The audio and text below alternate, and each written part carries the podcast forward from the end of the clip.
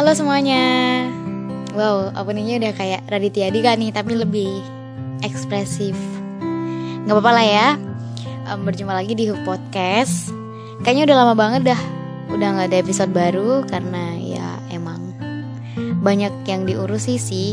Dan kayaknya nih Di episode kali ini Gue pengen sharing aja um, Tanpa Fajar Gue sendiri aja Karena ya gue lagi pengen berbagi lah berbagi cerita aja nih mengenai skripsian.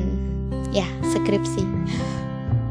Kebetulan nih gue udah ada di um, apa sih studi tingkat akhir gitulah dalam perkuliahan gue otomatis gue ada beban skripsi. Nah gue pikir skripsi itu gampang ya kan?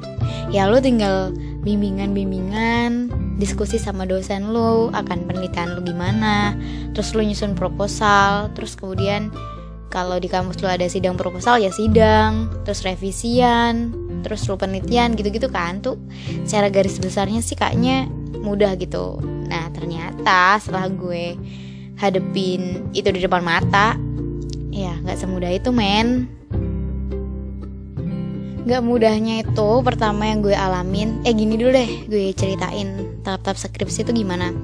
Nah di kampus gue nih Skripsian itu mahasiswa itu berhak untuk memilih dosen pembimbingnya tuh siapa.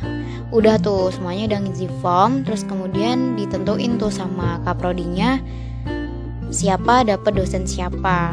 Kemudian udah deh keluarlah dosen gue. Um, Yang pertama itu dosen gue namanya si A itu emang orang sibuk sih. Dia kayak punya jabatan gitulah di prodi gue. Yaitu wadek. Wadek 2 sih lebih tepatnya. Terus si dosen pembimbing kedua gue itu ya sama juga. Dia punya jabatan eh dia beliau mohon maaf punya jabatan juga sebagai kaprodi. Nah otomatis nih dilihat dari mereka aja udah sama-sama punya jabatan. Otomatis hmm, tanggung jawab mereka kan lebih banyak. Dan pasti waktu mereka tuh juga kebaginya kegiatannya tuh lebih banyak gitu loh. Nggak hanya ngurusin tentang mahasiswa doang bahkan ngurusin tentang kayak prodi gimana lah terus bahkan rapat-rapat gitulah. Nah kesulitan pertama yang gue alamin ialah gue susah banget tuh. Pertama mau bimbingan mengenai judul gue terus proposal gue yang awal-awal gitu gue susah banget tuh yang namanya ketemu. Ya entah karena dari gue nya atau emang pas ketepatan mereka lagi sibuk-sibuknya. Jadi ketika gue ke kampus gue nggak pernah tuh ketemu sama beliau berdua. Itu pernah deh kayaknya satu mingguan gitu dong satu mingguan gitu gue nggak pernah ketemu tuh sama dosen dosen pembimbing gue terus akhirnya gue gini gila nih capek banget gue udah ngerjain tuh anggapannya tuh gue tuh udah lari.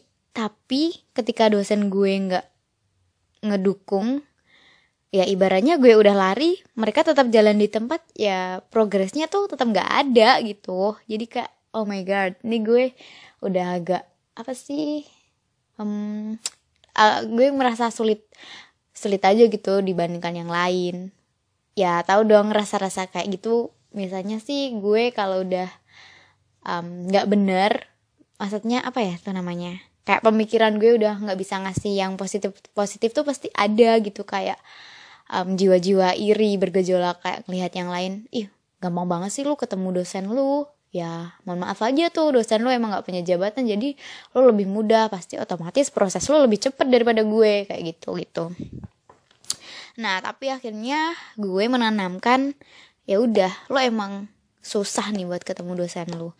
Karena dosen lo emang punya jabatan. Tapi di sisi lain, gue bersyukur banget punya dosen beliau berdua itu karena yang pertama dosen pembimbing gue itu gue ngerasanya beliau itu detail terus um, teliti gitu loh masalah tentang kayak penelitian-penelitian gitu. Jadi gue suka kalau lagi diskusi berbicara mengenai kayak proposal atau sebagainya gitu. Nah yang dosen kedua gue ini kebetulan beliau dulu ngajar kayak statistika gitulah. Otomatis ntar gue gampang gitu loh masalah diskusi tentang alat analisis. Jadi ya udahlah mungkin itu benefit yang lain dari gue susahnya ketemu buat bimbingan sama beliau-beliau. Oke, itu gue berjalan dari susah ketemu beliau, gue nggak nyerah, gue tetap pengen maju daripada gue cuma jalanin tanpa doang, terus gue menghadap lagi. Nah, kayak gue udah dapat keajaiban gitu loh dari yang kemarin-kemarin tuh kayak apa sih ngedown gitulah istilahnya tapi nggak sampai ngedown parah. Maksudnya um, hampir putus asa. Tapi setelah itu berlalu gue kayak gampang banget nih ketemu dosen pembimbing gue. Kayak gue baru berangkat dari kosan ke kampus udah deh langsung bimbingan. Nah mereka berdua tuh udah kompak gitu loh. Mereka berdua ya ampun kesannya kayak temen gue ya. Beliau berdua itu udah kompak banget ketika gue berangkat dari kosan sampai ke kampus. Ya udah gue langsung ketemu terus bimbingan terus pulang. Nah itu berlangsung sampai akhirnya proposal gue di ACC ya gue seneng dong. Akhirnya apa yang gue usahain tuh ada hasilnya nih ACC jadi otomatis tahap selanjutnya dari ACC-nya proposal gue ialah sidang proposal itu. Nah, ketika gue udah ACC, maka gue udah nyiapin plan-plan step-step berikutnya. Setelah proposal gue ACC, gue sidang pada tanggal sekian, habis sidang gue penelitian dengan jangka waktu sekian, terus habis itu gue nyusun hasilnya sekian-sekian, pokoknya gue udah punya target tuh.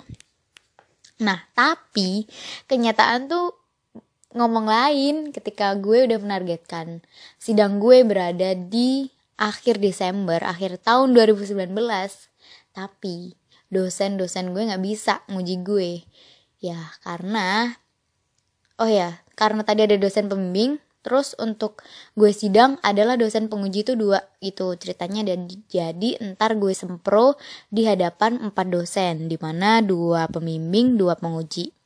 Nah balik lagi ke target gue sempro ialah akhir tahun akhir Desember itu ternyata nggak bisa. Dengan alasan salah satu dosen pembimbing eh salah. Salah satu dosen penguji gue itu ada kayak dinas di luar kota otomatis ya udah. Gue kayak di situ kayak gimana ya? Uring-uringan gitu loh. Kan masalahnya nih gue tuh udah punya target loh. Gue ujian sekian sekian terus gue penelitian sekian sekian tuh gue udah ada target. Tapi kenapa sih kok nggak bisa? Kayak gitu. Nah itu di mana ego gue tuh masih tinggi banget tuh buat ambis gue segera sempro. Nah kebetulan pas pada saat gue ada di momen itu gue bareng teman gue. Nah si teman gue itu yang ngasih kayak hmm, positif vibe gitu buat gue nenangin gue. Udahlah Sep sabar aja. Yang paling gue inget tuh katanya gini udahlah Sep sabar aja. Septi tahu kan kalau manusia itu bisa berencana tapi Allah yang menentukan gitu. Terus gue pikir-pikir ya juga ya siapa gue? Gue hanya manusia biasa. Kalau Allah masih berkata belum ya tetap aja nggak bisa ketika lu ngotot. Terus akhirnya ya udah tuh. Gue kepikiran tapi nggak terlalu kepikiran kepikiran banget karena ya mungkin di akhir tahun itu rawan juga kan masalahnya dekat dengan liburan Natal dekat dengan tahun baru dan sebagainya. Terus kemudian gue nyari jadwal lagi tuh ke dosen-dosen buat ujian sempro nah ketemulah di tanggal 2 2 Januari Terus gue kan udah sebelumnya tanggal 31 itu gue udah nyebar yang namanya undangan ke masing-masing dosen. Terus gue juga udah ngehubungi lewat WhatsApp dosen gue satu persatu. Nah, tapi nggak terduganya lagi ketika gue udah siap, gue udah siap apa pun buat sempro di tanggal 2 gue udah siap konsumsi buat temen-temen gue gue udah siap konsumsi buat dosen-dosen gue. Terus kemudian karena gue antusias banget tuh akan sempro gue jadi gue mengapresiasi buat teman-teman gue yang datang gue kasih sertifikat. Emang gue dasarnya iseng sih maksudnya gue tuh sidang juga riweh tapi gue masih nyempet nyempetin tuh bikin desain sertifikat ya walaupun desainnya nggak bagus-bagus amat tapi seenggaknya tuh jadi um, bukti gue apresiasi teman-teman gue sama ya jiwa iseng gue gitu. Terus kemudian gue ngasih jajan ke temen gue gitu lah. Terus itu gue kasih selipan kertas. Nah kertasnya itu isinya kayak um, quote gitulah buat nyemangatin mereka pokoknya udah seniat itulah gue. Gue udah siap juga gue udah pakai seragam gue udah nungguin di ruangan sidang gue. Eh tapi ternyata di hari itu dosen-dosen tuh ada rapat. Ya gue agak khawatir juga nih takut kayak jadi nggak sih nih gue sidang? gitu. Atau gue ketunda berapa lama nih buat gue jadi sidang gitu. Terus tiba-tiba gue ketemu lah sama dosen pembimbing gue yang kaprodi tadi. Terus gue langsung nanya dong bu ini katanya ada rapat ya. Nah, itu sidang saya gimana gitu.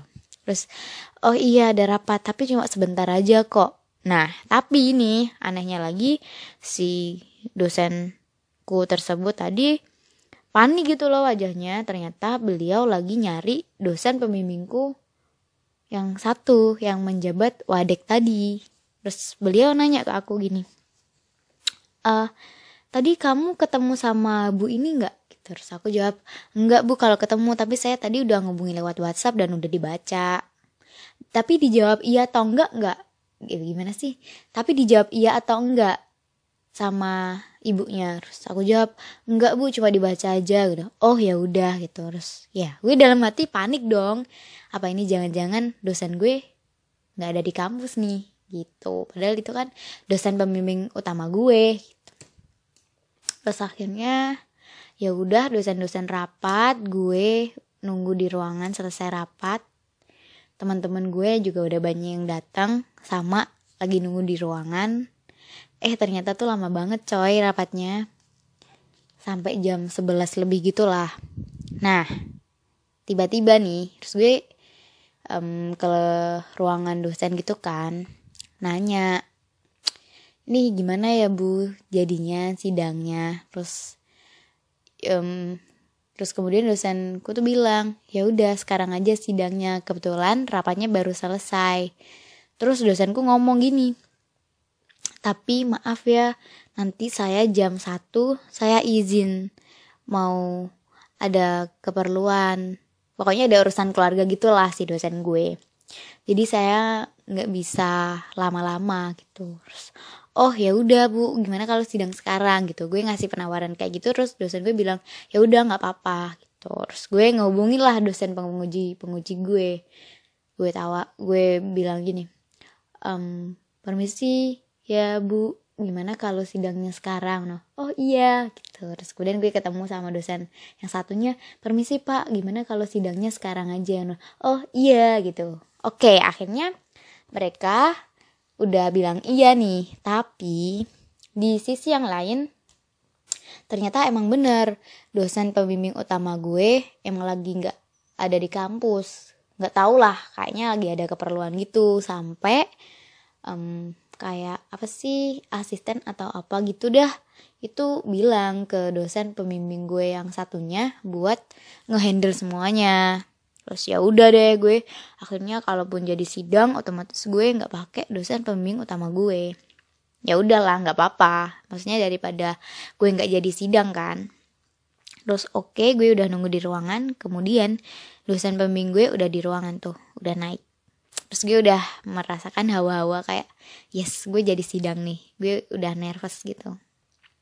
Tapi dilihat dari wajahnya si dosen gue itu kayak gimana sih resah gitu loh. Pokoknya nggak enak banget gitu wajahnya.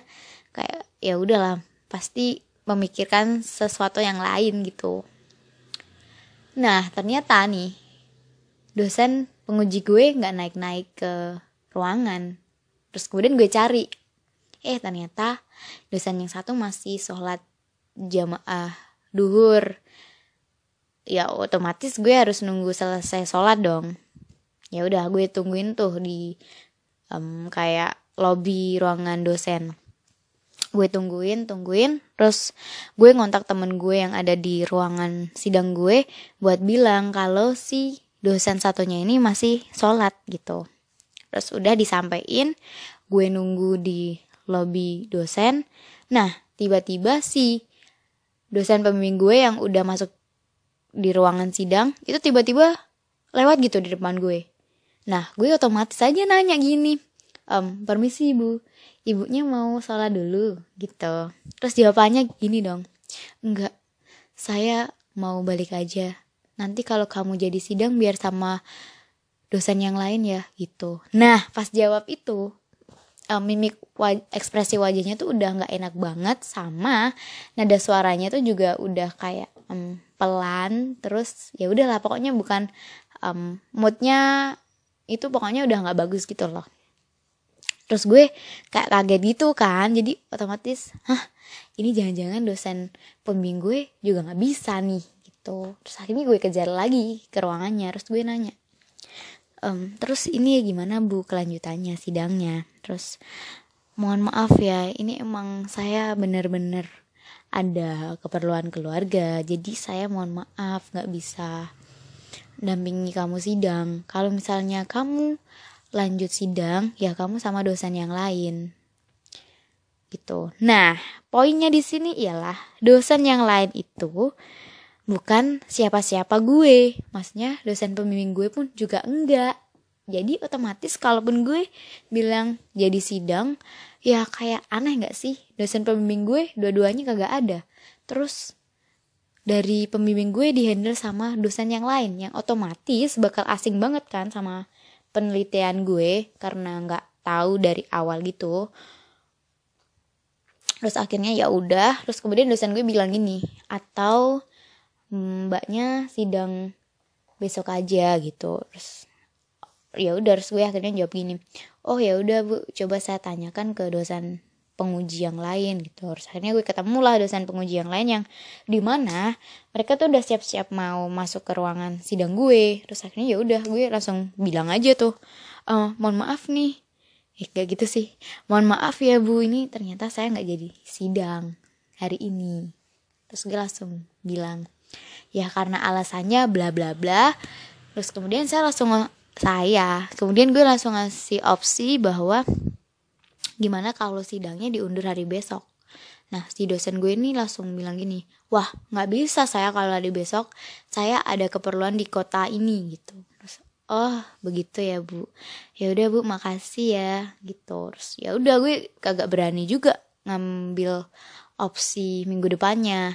Oh ya sebelumnya gue lupa ngasih um, ngasih pertimbangan gue kenapa gue buru-buru sidang di tanggal 2 karena minggu depannya dosen pembimbing gue bakal cuti selama satu minggu. Jadi kayak nggak mungkin juga gue sidang di um, minggu itu. Terus makanya gue usaha tuh buat sidang di tanggal 2 atau 3 terus gue milih aja tanggal 2 gitu. Nah ternyata tanggal 2 gue kagak jadi sidang.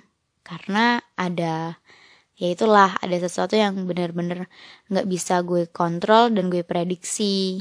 Ya otomatis gue harus menguatkan diri gue untuk menghadapi masalah yang kayak gitu. Oke balik lagi ke dosen gue. Akhirnya dosen gue bilang tanggal 3 gak bisa. Terus jadi gue ya ya udah gue gak ngasih opsi lagi. Kemudian gue ketemu sama dosen penguji gue yang lain dan beliau tuh udah siap-siap juga mau ke ruangan gue. Terus akhirnya gue bilang ehm, permisi pak. Ini sidang saya nggak jadi. Karena dengan alasan begini-begini. Terus beliau menjawab oh ya udah nggak apa-apa mbak. Kebetulan saya hari ini lagi flu gitu. Terus akhirnya ya udah deh. Terus gue nggak ngasih opsi juga.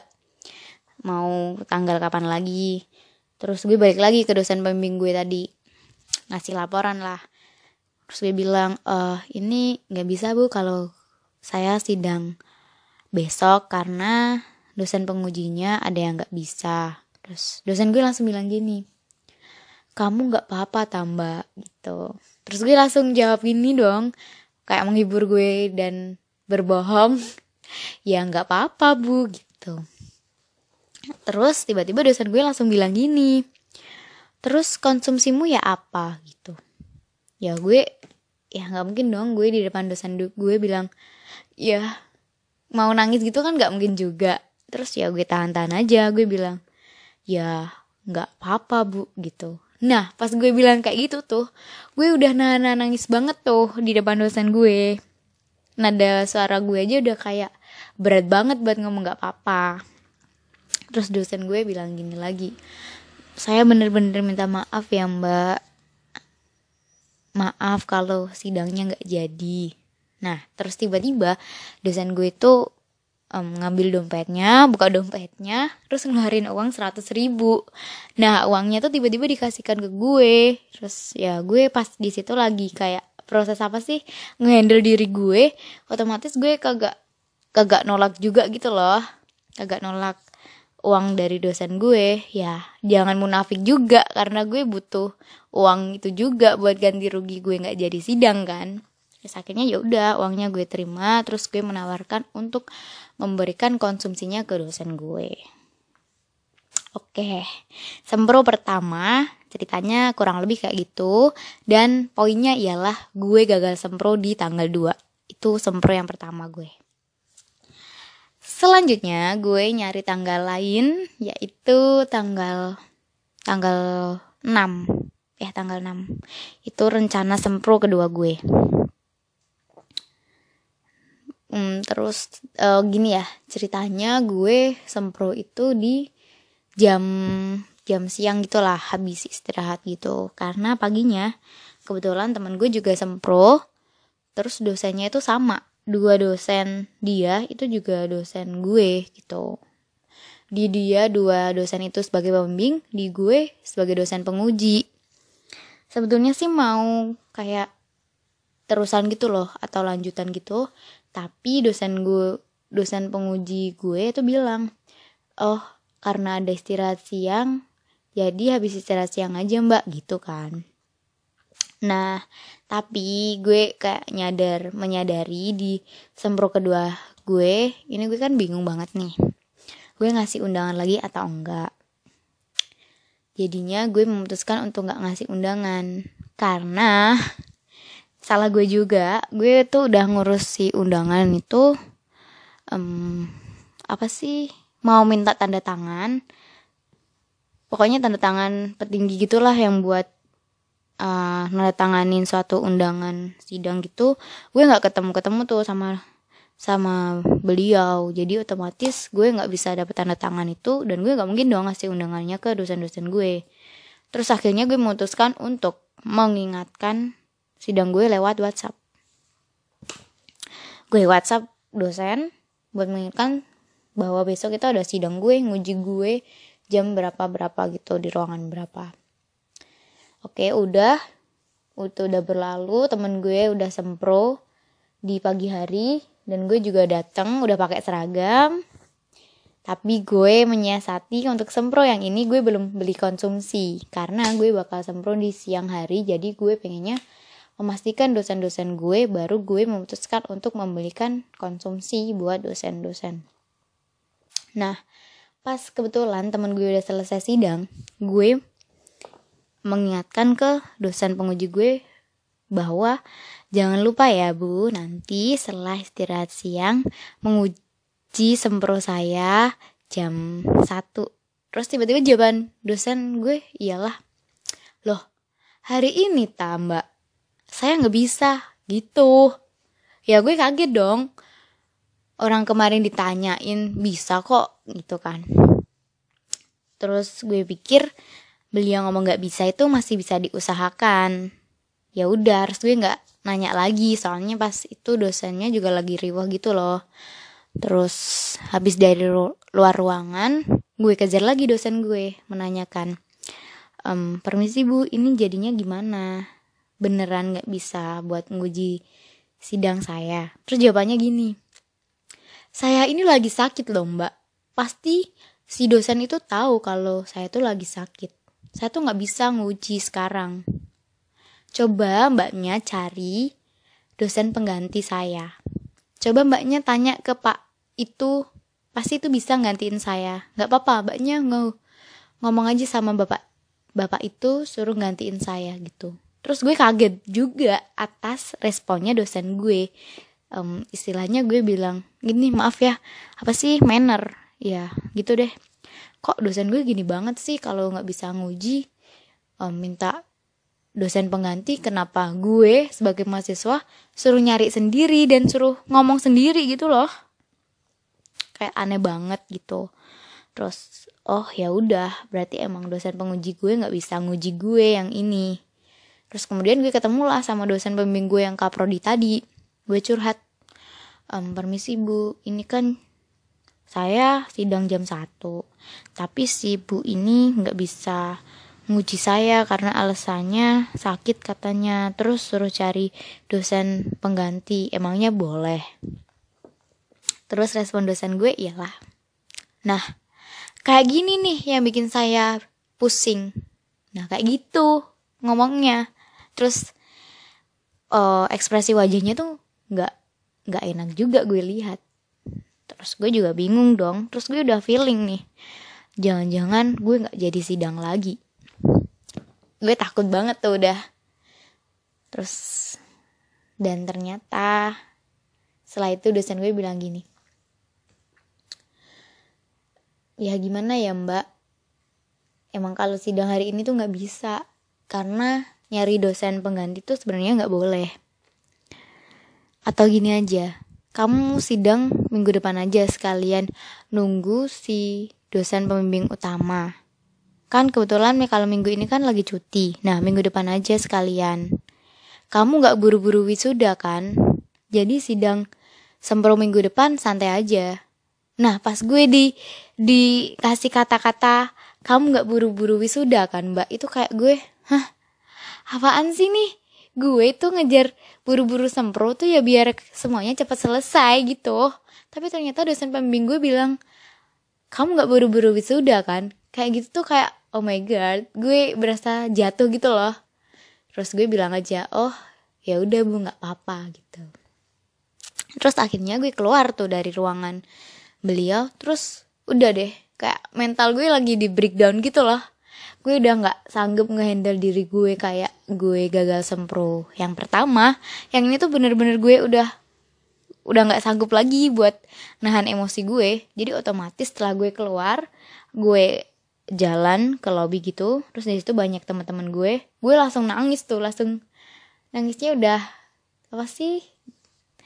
Netesnya tuh udah deres banget terus sambil gue gue nggak jadi sempro lagi. Sumpah ini nggak lucu banget gitu. Terus gue langsung otomatis jongkok gitu loh. Terus kayaknya nih gue sempat kepentok sama tembok. Soalnya habis habis gue nangis itu gue ngerasa kayak dari gue kok sakit gitu. Tapi pas gue nangis tuh ya nggak kerasa juga sih kalau gue kepentok tembok. Terus akhirnya gue udah nangis tuh di depan teman-teman gue. Terus teman-teman gue bingung. Doh kenapa kamu? Gitu nggak jadi sidang lagi gitu. Terus gue jawab iya gue nggak jadi sidang lagi gitu. Terus gue udah nangis tuh udah gue nggak tahan. Ya udah nangis nangis aja orang ya. Nangis bagian dari emosi ya kan.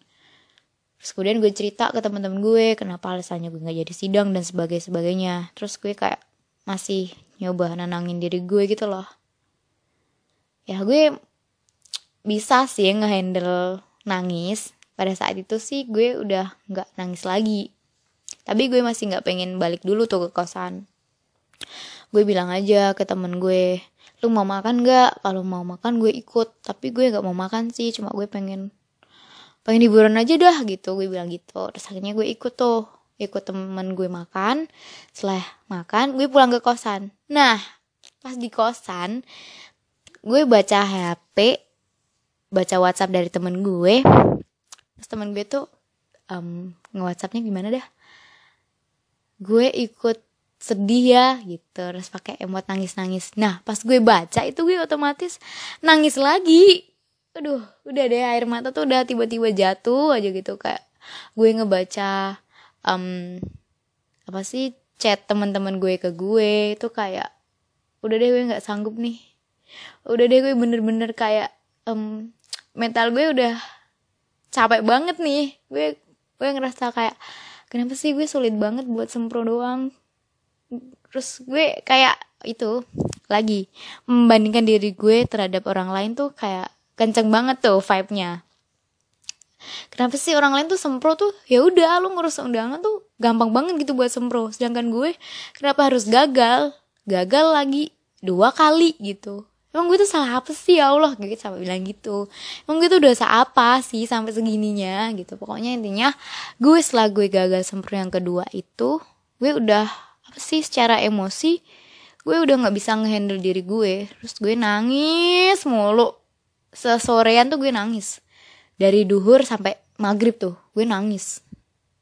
Ya pokoknya gue gue pasang pasang earphone di telinga gue gue ngeplay lagu terus gue nggak ngubris lagunya apa ya udah gue nangis sih doang.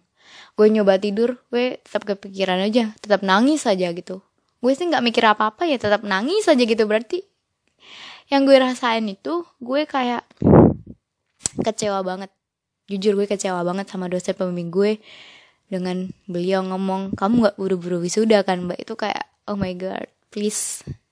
Terus gue um, kayak ngerasa apa sih sakit banget lah hati gue. Kayak kan gue udah berharap nih udah berharap gue sempro. Dan kenapa gagal lagi? Otomatis harapan gue tuh udah nyakitin gue gitu. Ekspektasi gue udah nyakitin diri gue. Jadi otomatis ya udahlah. Gue bener-bener nangis mulu. Dan gue udah capek gitu sampai nangis terus. Terus akhirnya gue nyoba nyoba apa sih ngendel balik diri gue bahwa it's okay. Lu nggak apa-apa. Kali ini gagal. Udah deh lu nggak apa-apa aja. Dan please buat diri gue sendiri lu jangan nyerah. Lu jangan ngerasa putus asa.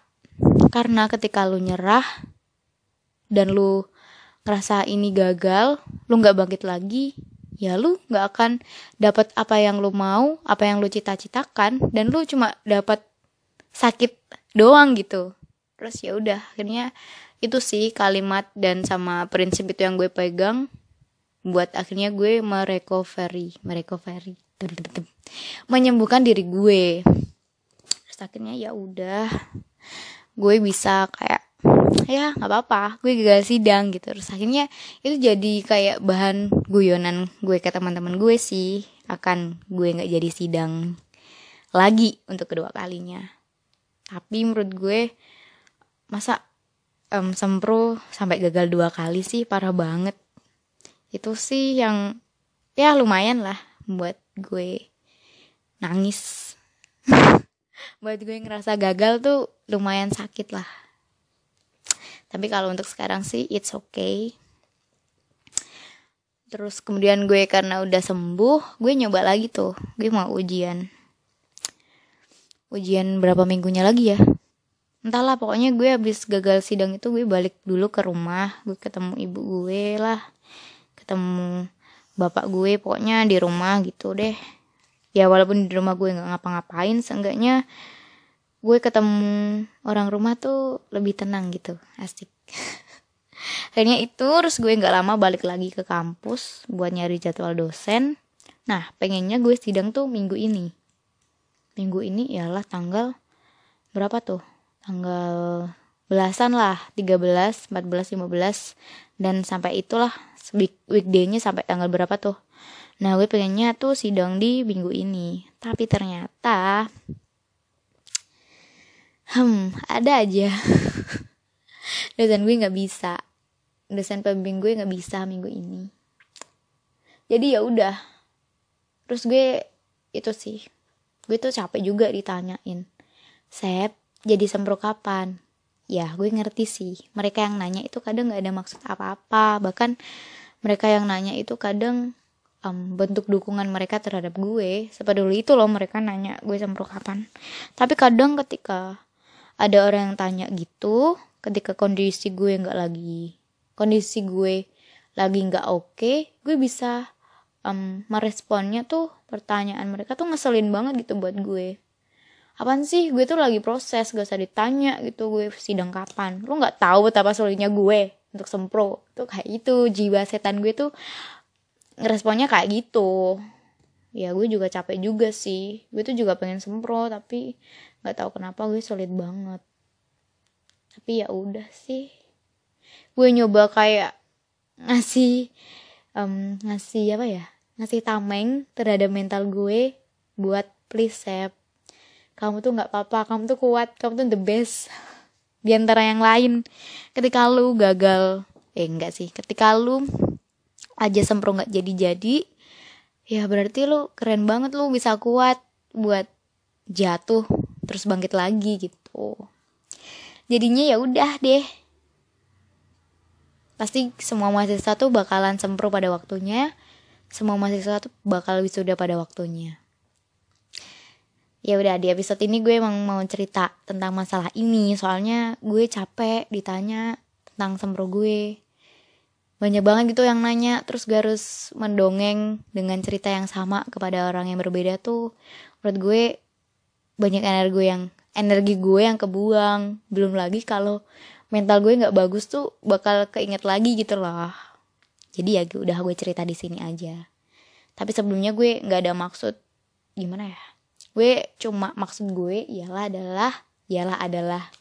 Maksud gue di sini ialah cuma share share belum. Maksud gue di sini ialah sebagai ialah sebagai. Maksud gue di sini itu sebagai berbagi. Gimana sih? Ah! Maksud gue di sini itu berbagi cerita gue aja. Ya karena dalam perskripsian itu banyak banget gitu dramanya terus dan di sini tuh bukan berarti gue kayak merasa mahasiswa yang paling susah di antara mahasiswa yang lain tuh enggak. Ya cuma gue mau berbagi cerita aja sih. Siapa tahu ada manfaatnya. Emang ada ya? Nggak tahu dah. Ya manfaatnya buat kalian tuh ngerti gitu cerita gue. Terus sebelumnya gue terima kasih tuh kepada teman-teman gue yang udah datang di sempro gue yang pertama yang nggak jadi itu gue makasih banget. Terus gue makasih banyak kepada teman-teman gue yang udah udah mendukung gue um, udah ngasih semangat ke gue. Kayak gitu-gitu gue bener-bener apresiasi sih. Gue apresiasi kepada siapa pun yang peduli kepada kondisi gue pada saat itu. Gue terima kasih banyak. Ya gitu deh. Ya begitulah cerita gue sidang kali ini. Nanti eh nggak nanti sih. Ini cerita sidang gue hari itu. Ya udah sekian. Gue cerita masalah sempro gue yang gagal. Semoga um, kita semua mahasiswa akhir yang lagi um, urusan skripsi dilancarkan semuanya. Nggak usah males-males karena males nggak ada gunanya. Um, kita harus kuat. Ketika lu kuat berdiri di kaki lu sendiri lu hebat. Tapi ketika lu nggak sanggup buat berdiri di kaki sendiri ya please lu cari temen buat berjuang bareng. Itu menurut gue membantu banget. Dan ketika lu capek ya lu istirahat aja. Gak usah terlalu dipaksain. Udah deh sekian podcast gue masalah sempro kali ini Ya, makasih ya yang udah dengerin. Oke, sampai jumpa. Dadah.